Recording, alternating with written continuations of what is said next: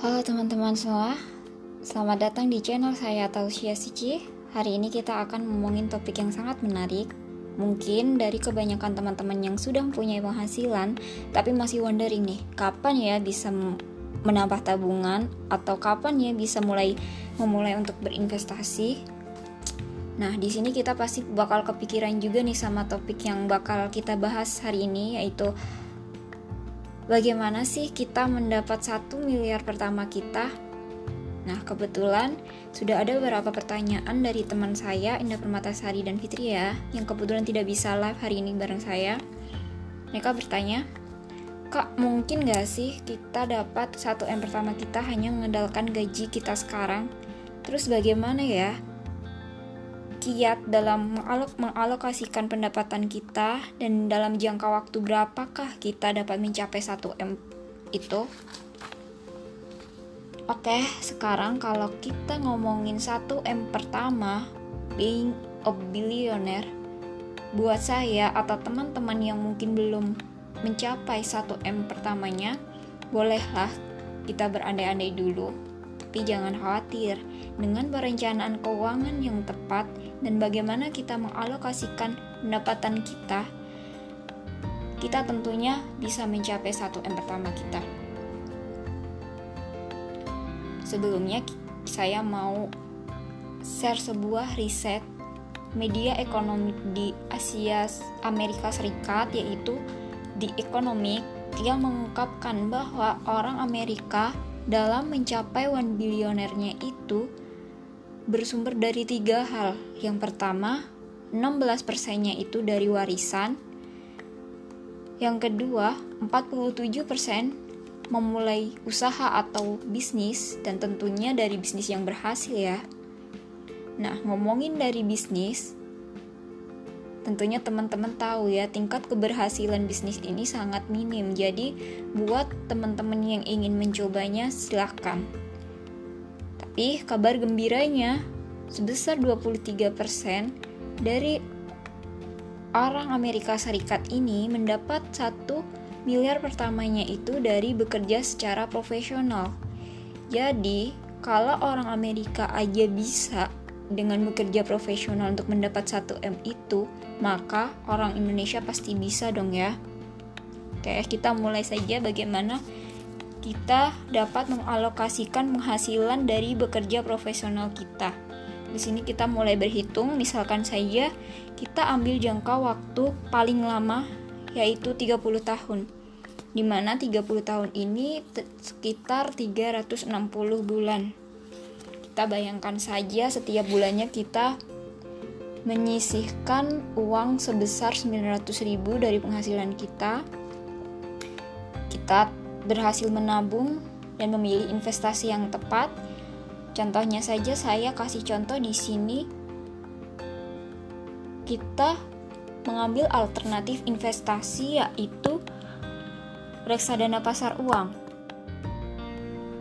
yang bisa saja return investasinya itu bisa mencapai 6,5% per tahunnya. Oke, kita mulai. Uh, misal kita menyisihkan 900 ribu per bulan, lalu kita belikan reksadana pasar uang kita dengan return investasi sebesar 6,5% per tahunnya, maka imbal hasil yang kita dapat adalah 702.000 per tahunnya. Dari mana?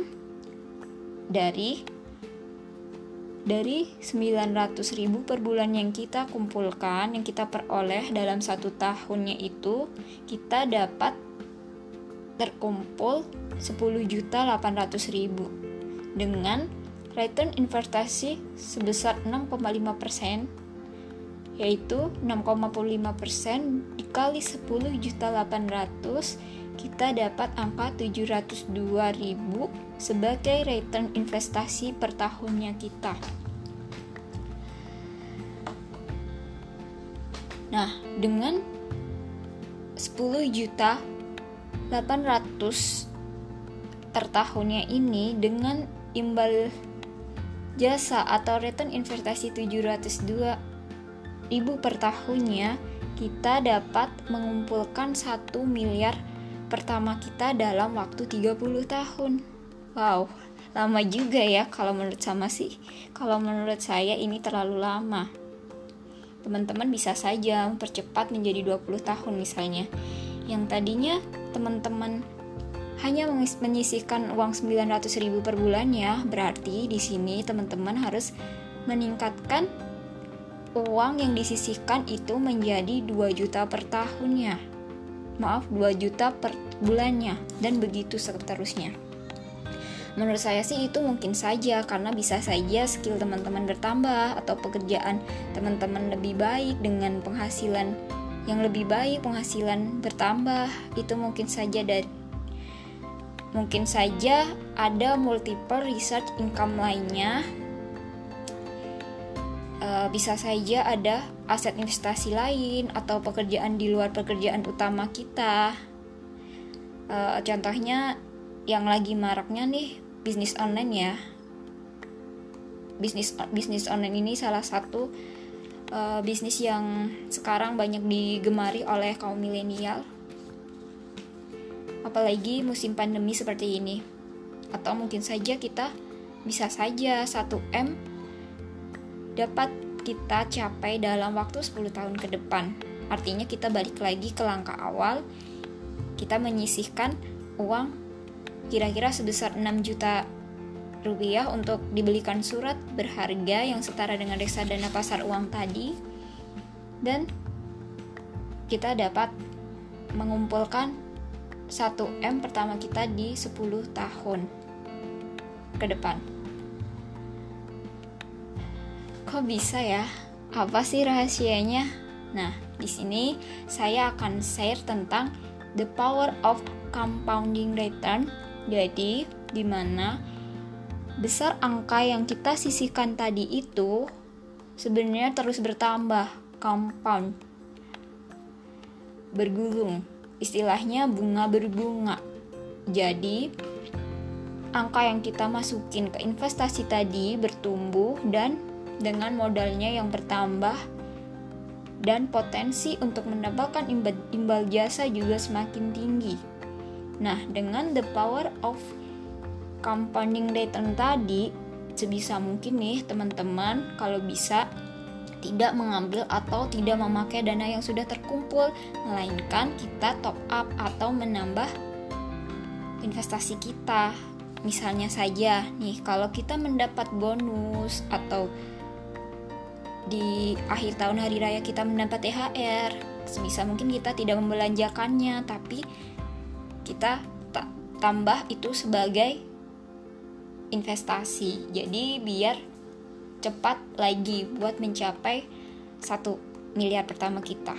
Nah, sekian kiat-kiat yang saya pelajari dari beberapa sumber perencanaan keuangan. Saya yakin jika teman-teman bisa disiplin dan konsisten dalam mengalokasikan penghasilan teman-teman, pasti kita dapat mencapai 1M pertama kita. Selamat mencoba, terima kasih.